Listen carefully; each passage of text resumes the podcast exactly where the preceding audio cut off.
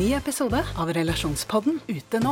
Barndommen var preget av vold, frykt og overgrep i hjemmet. Og lytteren la lokk på alle følelsene frem til han ble 35 år. Nå har følelsene derimot fosset opp til overflaten. Hvordan kan han best håndtere dem? En annen lytter har vært sammen med kjæresten i fire år og føler fortsatt at hun ikke kjenner ham. Han er verdens snilleste, men hun føler seg ensom i tosomheten. Hør Relasjonspodden gratis der du hører podkast. Hei dere, velkommen til Biohacking Girls podcast. Vi leder showet, og jeg er Alette.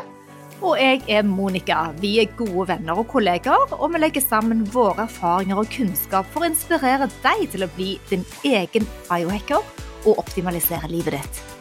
Vi følger med på ny forskning og trender, og stiller de spørsmålene vi mener er nødvendige. Ja, vi deler informasjon om biohacking, life coaching og fitness, og vi håper at du vil føle deg inspirert og klar til å ta et tak for å komme i den beste helsemessige form. Velkommen til Biohacking Girls podcast. Barbie-bonien den er rett og slett over oss. Og her forleden fikk vi med oss filmen, og det var skikkelig fascinerende å se så mange, både mødre og barn, stæsjet i rosa fra topp til tå. De hadde altså sminket seg og parykker. Og vi vil gjerne bruke denne som en liten anledning til å snakke litt gjennom Vi gjorde oss en del tanker, og dette kan vi faktisk knytte opp til biohacking, så i dag har vi lyst til å biohacke Barbie, rett og slett. Ja, jeg må innrømme at jeg gledet meg veldig og koste meg gjennom hele filmen. Og det er noe fascinerende med denne dukkeverden. For jeg, da jeg var liten, jeg lekte med dukker så det sang. Altså, vi satte oss ned i kjellerrom eller uh, utendørs eller på soverommet til hverandre og bygget opp disse små scenarioene hvor vi lagde, ja, vi lagde små bord med tesett og kledde disse dukkene og strikket tøy. Gjorde du òg det? Du vet hva, jeg var faktisk ikke en sånn veldig dukkeperson. Jeg hadde en dukkestue, husker jeg, og det var liksom min store sånn obsession. Der hadde jeg veldig sånn ja, der hadde jeg orden, og der koste jeg meg inne i huset. Det er veldig rart, for jeg er ikke så interessert i interiør den dag i dag.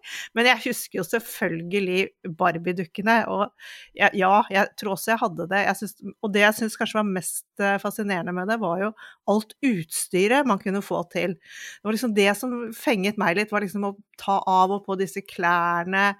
Liksom sånn, jeg var aldri sånn som lekte baby og sånn, jeg hadde så mye brødre, så jeg var helt uinteressert. Men jeg har prøvd å tenke litt på det også, og jeg kan faktisk ikke huske at jeg tenkte noe over kroppen til Barbie da jeg var liten. Det var liksom ikke noe tema. Det var liksom sånn, for det har blitt så veldig mye sånn man snakker om i ettertid, men det er noe man har blitt prentet inn senere i livet. Og du jeg er så enig med deg, jeg har aldri egentlig tenkt på det selv at det hadde et uh, fokus. Men jeg tror kanskje òg at vi var litt for tidlige altså de, Den generasjonen etter oss har sett mer til dette med pupper og lange ben. Men, uh, men uh, når det gjelder dukker, det jeg syns var absolutt morsomst, var jo faktisk å lage og strikke klær og ta de av og ta de på og lage nye kreasjoner. Så litt sånn designer-vibes her. ja. Ja, det, og det, ja, det er akkurat det. Det var liksom det var liksom det fascinerende av det bitte lille og det man kunne gjøre selv. Men i dag hvert fall, så har vi lyst til å knytte litt biohacking opp mot denne populære filmen som absolutt alle skal se nå.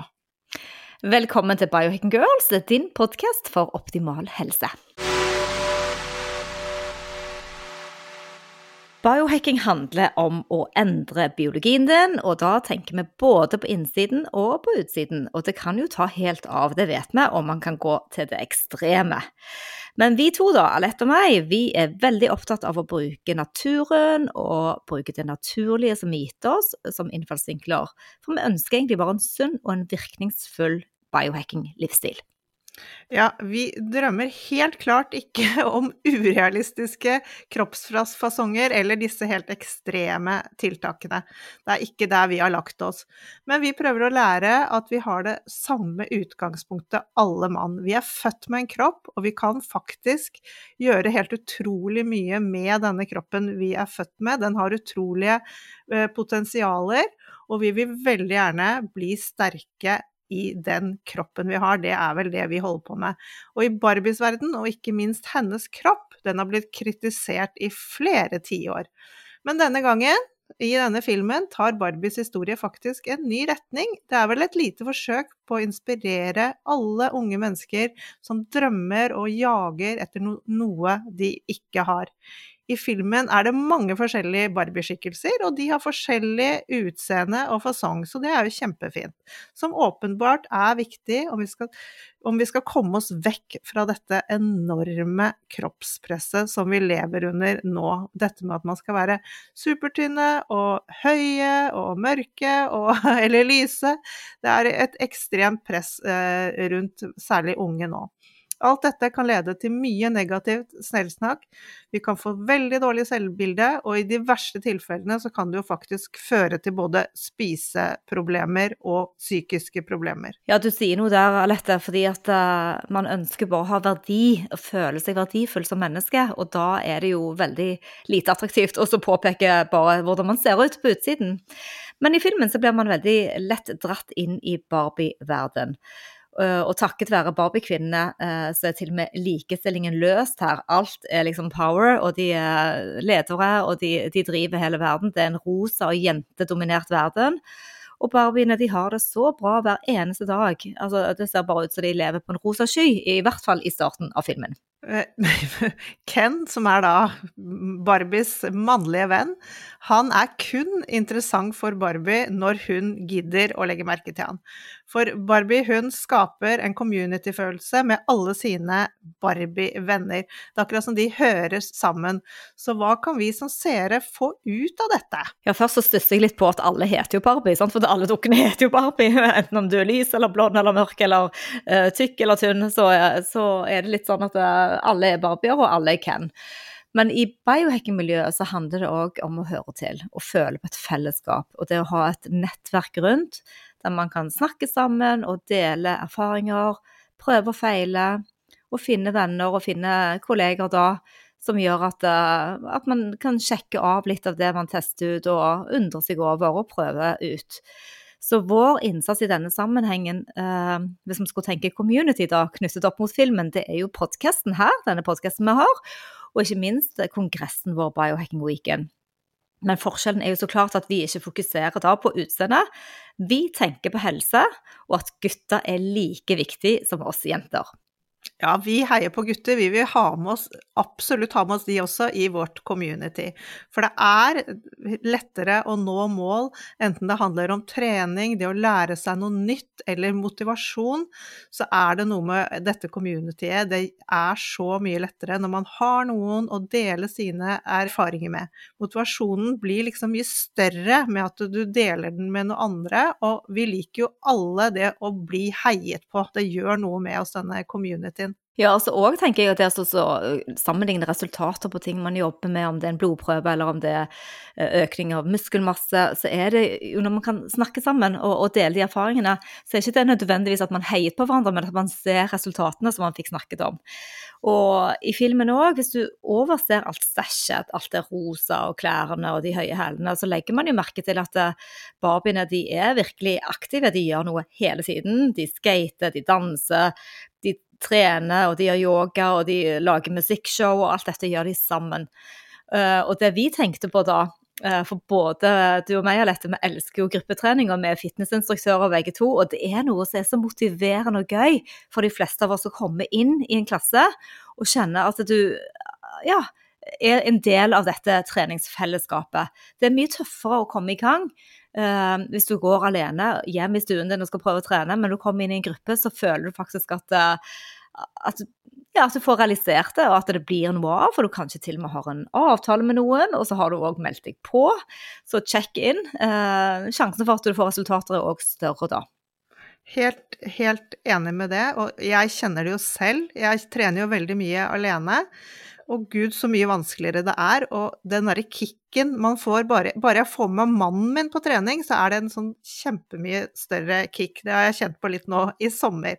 Men det som er interessant med denne nye Barbie-verdenen, er at selv om det starter med at alle dager er kjempebra, så får plutselig denne rosa historien Den får noen score når Barbie plutselig spør sine med-Barbier. Har dere tenkt på døden, spør hun.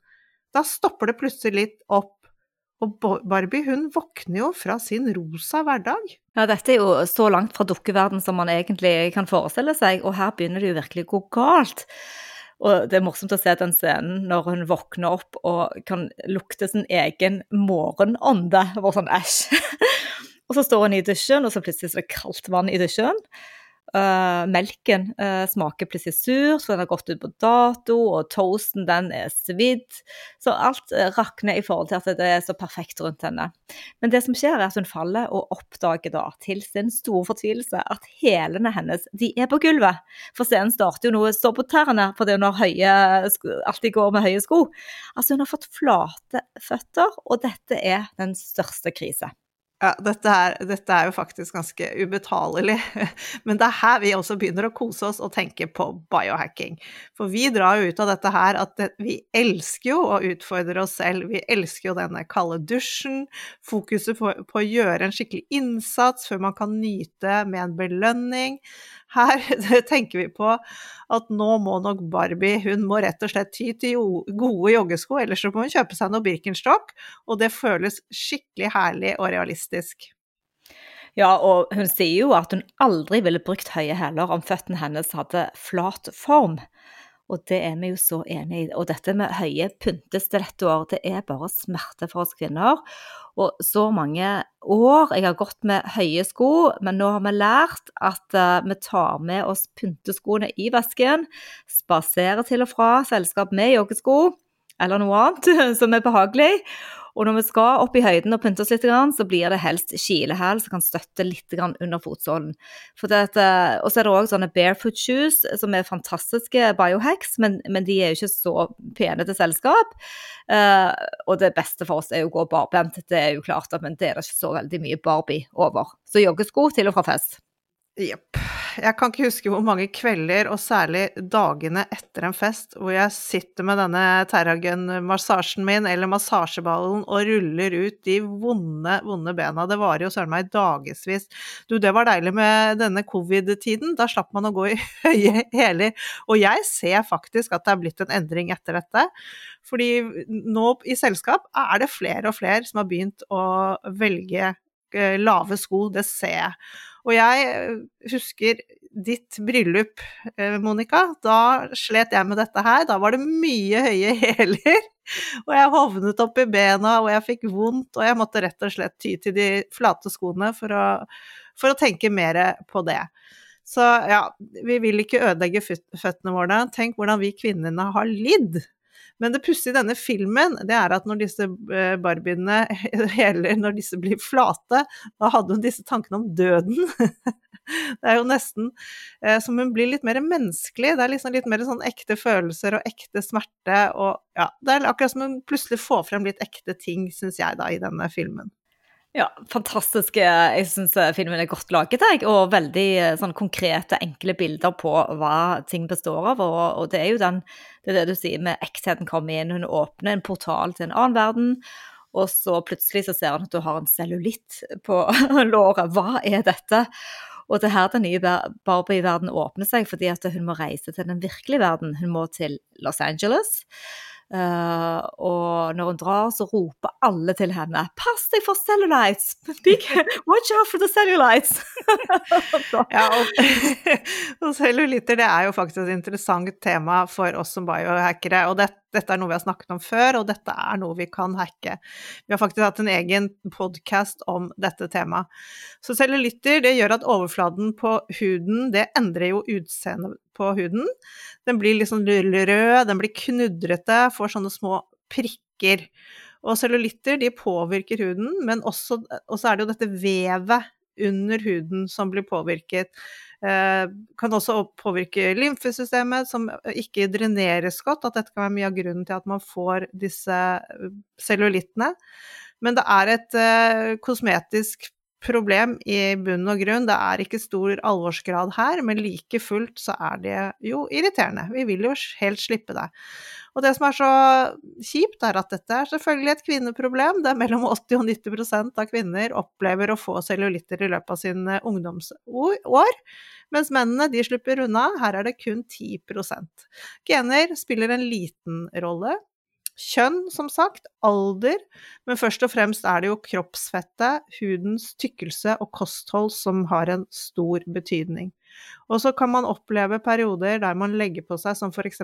i menopause. Da kan det oppstå mer cellulitter.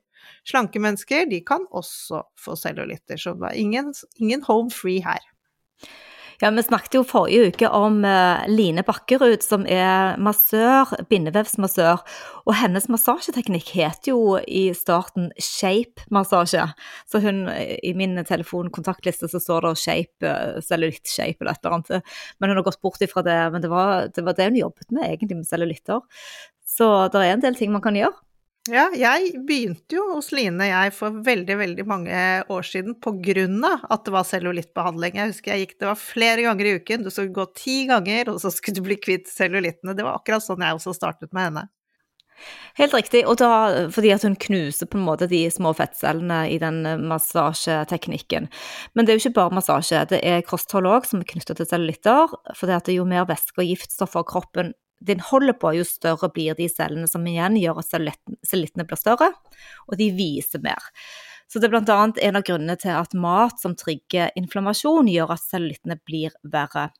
Og flere mener at bruk av vegetabilske oljer kan skape fettansamlinger. Det gjør jo vi òg. Eh, her er ikke alle helt enige med oss, men, eh, men det er jo det at eh, hvis man spiser for mye av vegetabilske oljene, så kan de cellulittene da bli mer synlige. Og man kan se det på unge ned i tolvårsalderen eh, at de har mer cellulitter i dag. Og det handler rett og slett av at du får for mye omega-6 gjennom maten din, og det blir en ubalanse på fettsyrene med omega-3.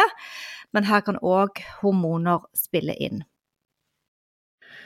Så reiser Barbie og Ken, han blir også med, de drar til Los Angeles, eh, og da blir alt rett og slett litt annerledes. Gutta plystrer og vurderer Barbie ut fra utseendet og klærne, og Barbie hun blir rett og slett mer og mer opptatt av seg selv. Dette er ikke særlig bra. Det å ha så mye tanker om seg selv eh, når det kommer til hva andre syns og mener. Hun merker dette med at menn ser på henne som et objekt, for dette her er det veldig mannsdominert og ikke kvinnedominert verden som gjelder. Så begynner Barbie selvfølgelig å føle. Hun får en tåre. Og det føles vondt, og det føles godt. Hun har rett og slett fått følelser. Hun blir redd uten grunn, og hun får til og med angst. Her er vi inne i den eksistensielle delen av filmen, hvis vi kan kalle det det. Vi ønsker å vokse mentalt og spirituelt, og bevege oss utenfor konfirmasjonen, slik at vi blir en bedre utgave av oss selv. For dette er biohacking. Vi ønsker jo vekst. Ja, det å gå litt inn i smerten uh, og ikke lukke øynene. For det er ganske enkelt å lukke øynene og fortrenge det som er i oss, og det som er rundt oss. Men igjen så trenger vi å føle oss trygge, og ikke minst eh, som en del av noe tilbake til dette communityet som vi snakker med venner eller familie, eller ha et samfunn du støtter deg rundt, en treningskrets eller noe. Og dersom vi bare holder oss i den komfortsonen, så mister vi ganske mye. Vi vokser ikke, og hjernen den trenger jo òg nye utfordringer for å holde seg frisk og i aktivitet. Mm. For det er veldig fort at negativt selvsnakk forplanter seg. Man blir stående fast i ideer vi har om oss selv. Vi trenger andre for å korrigere litt, og dermed så våger vi ikke å gå videre. Og så er det vilje og ønske om å åpne opp horisonten for å se nye ting. Du trenger kanskje ha med deg litt av det òg. Eh, kanskje du bærer på en drøm, eller eh, kanskje du tenker over noe du har lyst til å gjøre som du ikke har tatt fatt på ennå. Men hva er det som holder deg tilbake, da? Sånn som Barbie gjør, tenker også vi at det kan være lurt å bevege seg litt ut i det ukjente. Når hun drar til Los Angeles, er jo dette nytt for henne. Og Alette, har du noe denne høsten som er nytt og litt ukjent for deg? Er det noe du har lyst til å fokusere på eller møte, noe du er redd for, eller noe du er spent over, eller noe du har lyst til å lære mer om? Det er det faktisk. Jeg har faktisk begynt på en stor jobb eh, på det mentale planet. Mye som ligger langt tilbake i tid, og som faktisk hemmer meg å utvikle meg fremover. Og dette står på agendaen denne høsten. Da skal jeg virkelig fokusere videre på det. Jeg går og får litt hjelp til det. Biohacking for meg handler også om det som skjer på innsiden av meg, veldig mye nå. nå har vi, vi, har jo testet og prøvd så mye, så nå er det denne lille biten igjen av det følelsesmessige, det emosjonelle. Det er det jeg virkelig vil jobbe med denne høsten, samtidig som jeg også driver og studerer og tar kurs i dette med circadian rhythm, circadian biology, så jeg håper å få mer tid til å fordype meg i det også fremover høsten. Jeg syns det er kjempespennende. Hva med deg da, Monica? Har du noen planer for høsten som du vil dele? Du, for det første så utrolig bra uh, å høre, Alette. Uh, og det er så deilig å være i vekstsonen, ikke sant. At man utfordrer seg selv og går inn i det som er litt vanskelig. Eh, så jeg heier veldig på arbeidet ditt, og jeg syns òg det er utrolig spennende med denne circadian biology som du holder på med, og lærer meg masse om. Så det er vinn-vinn når vi kan dele erfaringer sammen. Men jeg skal faktisk gå i gang med en ny teacher training i yoga. Og det er ikke fordi at jeg føler at jeg trenger å gjøre mer yoga, men hun her, eh, Anette Dyvi, som driver Hun har holdt på i 30 år. Eh, veldig dyktig og har så utrolig sånn dyp forståelse av yogafilosofien. Så det som interesserer meg her, er egentlig å komme litt mer tilbake igjen i eh, Ja, lære litt mer fra innsiden igjen. For det at, uh, jeg føler at uh, den yogaen jeg gjorde da jeg bodde i California, den finner jeg ikke helt ut av her i Norge. Jeg vet ikke hva det er, men uh, kan du kjenne deg litt igjen i det, Alette? Jeg bare føler Jeg, jeg klarer ikke å finne den tilhørigheten her hjemme? Ja, jeg tror det, det, tror jeg også kommer mye av at vi har kommet veldig mye lenger. Vi, vi, vi, trenger ikke det ytre stimuliet lenger. Nå vil vi ha yogaen fra innsiden. Kroppene våre er myke nok. Vi har liksom gjort alt dette arbeidet, og jeg tror det er derfor du også kommer til dette skiftet nå, hvor før så har man hørt filosofien, men man har kanskje ikke skjønt den. Men nå er man mottagelig. Jeg tror det sitter veldig mye i det. Ja, det er nok litt som du sier der, at inspirasjonen skal komme liksom litt fra innsiden og forbinde meg dypere i, uh, i, praksisen min, da. Så, så jeg, er, jeg, liker å gjøre yoga. Jeg er ingen yogi. Jeg er mye mer på pilates og driver med andre ting, så det er på en måte òg litt vanskelig å gå inn i den verden der. Men jeg liker å gjøre det som er vanskelig. Så det, det er litt av de tingene jeg har lyst til å ta fatt på. Jeg gleder meg til å bli med deg på reisen. Men én ting som vi bet oss merke i i forhold til eh, Barbie-filmen, og det var det eh, som var selvfølgelig hovedtemaet her, dette enorme kroppsfokuset som er i samfunnet vårt nå, som også blir tatt opp her. Og hvor kommer det fra, og hvorfor er vi så veldig, veldig opptatt av dette med kropp og hvordan vi ser ut? Hvorfor bryr vi oss så mye om hva alle andre mener, og hvordan alle andre ser ut? Én eh, ting er liksom at man blir inspirert, men en annen ting er all denne kritikken av, altså, av andres kropper. Ja, jeg opplever at mange syns at jeg kan være veldig ekstrem, uh, og det er ikke alltid veldig positivt ment. Absolutt ikke. Men det kan også være invaderende for folk å bli hele tiden konfrontert med kroppen sin, valgene sine, Hvorfor drikker ikke du alkohol, og hvorfor spiser du det, hvorfor spiser du ikke det? Det er Jeg tror vi må gå litt mer i oss selv. Vi må, vi må være litt mer eh, innoverfokus og være litt rausere og åpne for andre. Ja, jeg er enig med deg. Er jeg, jeg må jo si at jeg liker å holde meg slank. Uh, men man skal ikke si det, sant. Uh, man skal heller si at man skal holde seg sunn og sterk. Men det er et faktum at jeg liker veldig godt å kunne gå med de klærne jeg hadde for 20-30 år siden, for jeg har veldig mange av de ennå. Så jeg liker å holde kroppsvekten, og jeg tror det er mye helse i det. Det er det, og det, det, jeg blir også veldig irritert. Det er liksom ikke lov å si at man ønsker å være slank, tynn nå. Jeg ønsker også det. Jeg har ikke lyst til å endre vekten min, jeg har lyst til å være der jeg er. Og så kommer jo dette med helseaspektet ved å holde vekten sin. Det, vi kan ikke komme unna det.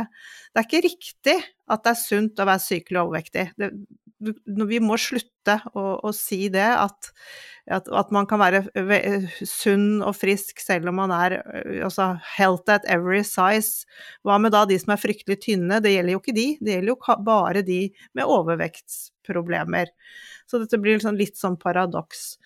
Uh, og så som ung da, så kan man jo kanskje komme seg unna med mye av dette her, men nå er faktisk dette med overvekt hos barn og unge blitt en tendens i nesten alle land, og dette medfører både fettlever og diabetes type 2. Før var det bare pensjonister som fikk det. Nå ser vi det helt ned i barn.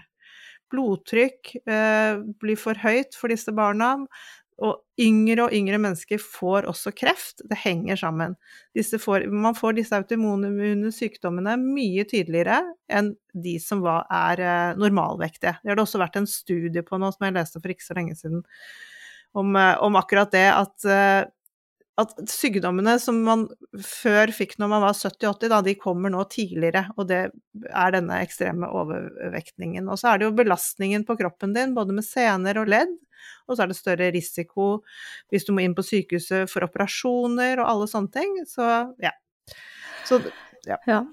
Bare for å sitere Robert Lustig òg, altså det er et stort problem. Eh, fettlever var jo knyttet til alkohol hos voksne mennesker. I dag er det, jeg tror kanskje det er opp mot 30% som får fettlever basert på kosthold, så det er et metabolsk Eh, utfordrende, stort, voksende problem eh, blant mange unge. Så dette er noe vi må adressere. Vi må se på det og tenke på Dette gjelder lettbruser, det gjelder vegetabilske oljer, det gjelder prosessert mat og mange ting. Men det, det er ingen kritikk fra oss, det må være helt tydelig at folk er eh, overvektige. Det er absolutt ingen kritikk, det er kun et ønske om å, å hjelpe. Og det er viktig at du sier dette, for det er flere av dere som lytter på podkasten, som gjerne vil dele synspunkter, og noen ganger så syns noen at vi kan være litt for strenge, eller at man kan dele for mye, eller Og det har vi veldig forståelse for. Alle er helt unike og har en grunn til mange ganger at man lever sånn som man gjør. Men vi prøver da i alle fall å gi litt informasjon. Så la oss gå videre til filmen, da, for det kommer veldig tydelig frem at det bør være nok å bare være seg sjøl og kunne se litt bak denne fasaden. Uh, Ken blant annet, han må finne ut hvem han er uten en Barbie som da skal digge han til hvert øyeblikk. For det er den eneste gangen han føler seg likt, er når hun gir han uh, tilbakemelding. Og det er noe litt sånn new age over dette. at de sier annet at du er ikke håret ditt, du er ikke bilen din, du er ikke jobben din. Eh, du er ikke de tingene du omgir deg med. Så hvem er du da bak denne fasaden? Og det er veldig lett å tenke at alt det ytre, som prestasjoner og innsats, er det som definerer hvem vi er.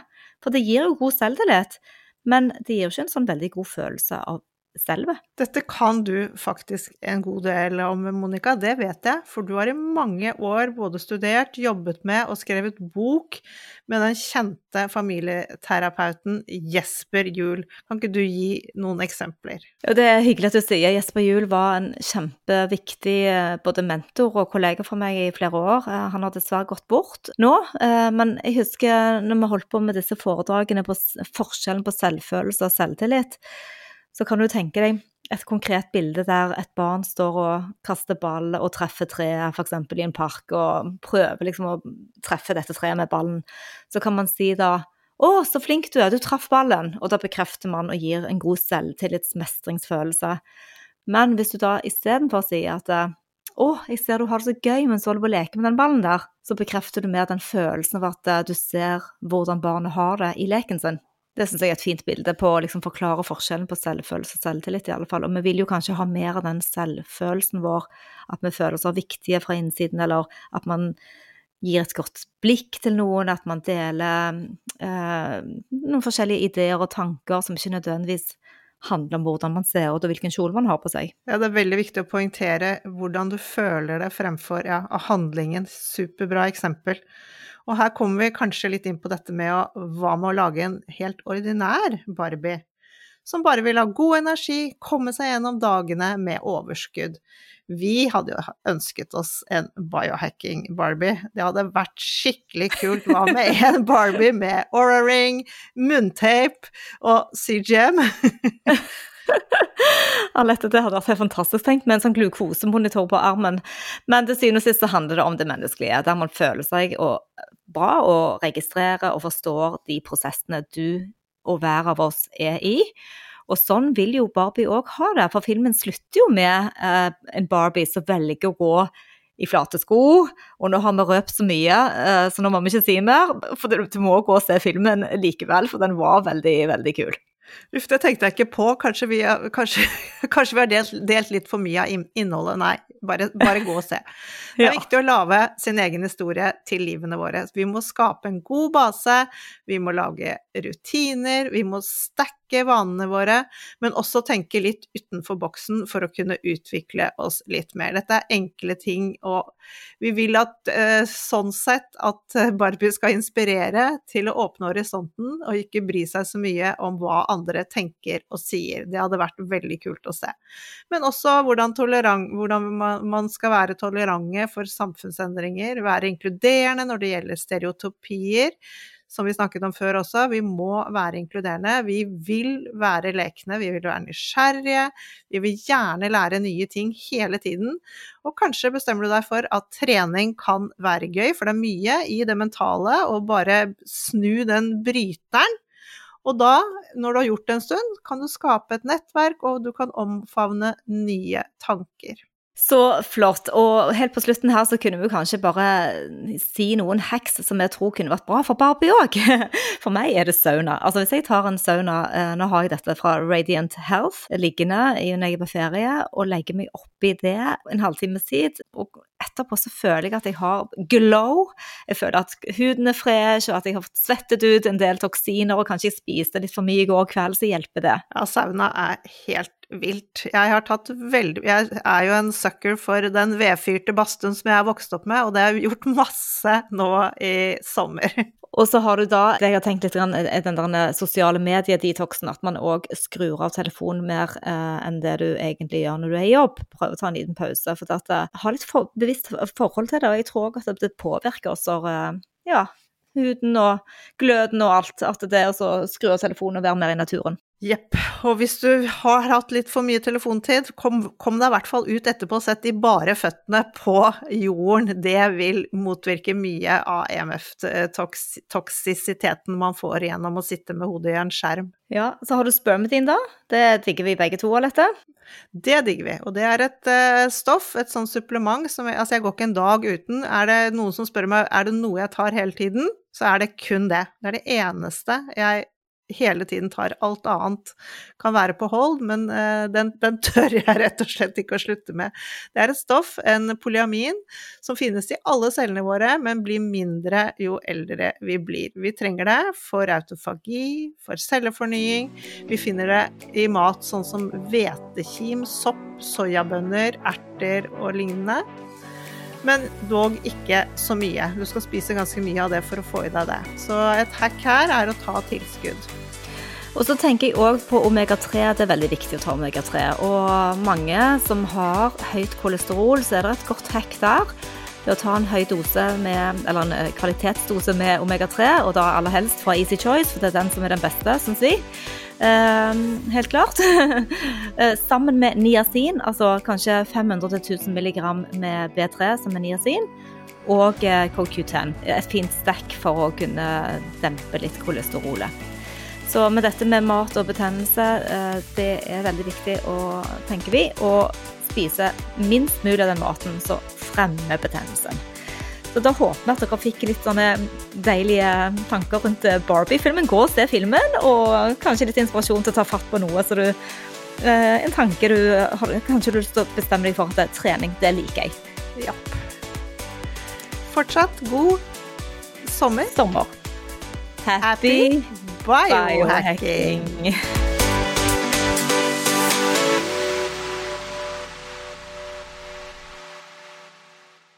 Vi minner om at dere må snakke med egen lege eller kostholdsveileder om dietter og andre spørsmål relatert til medisiner og supplementer. Informasjonen vi deler, kan ikke bli brukt til å diagnostisere, behandle, forebygge eller kurere noen sykdommer eller tilstander.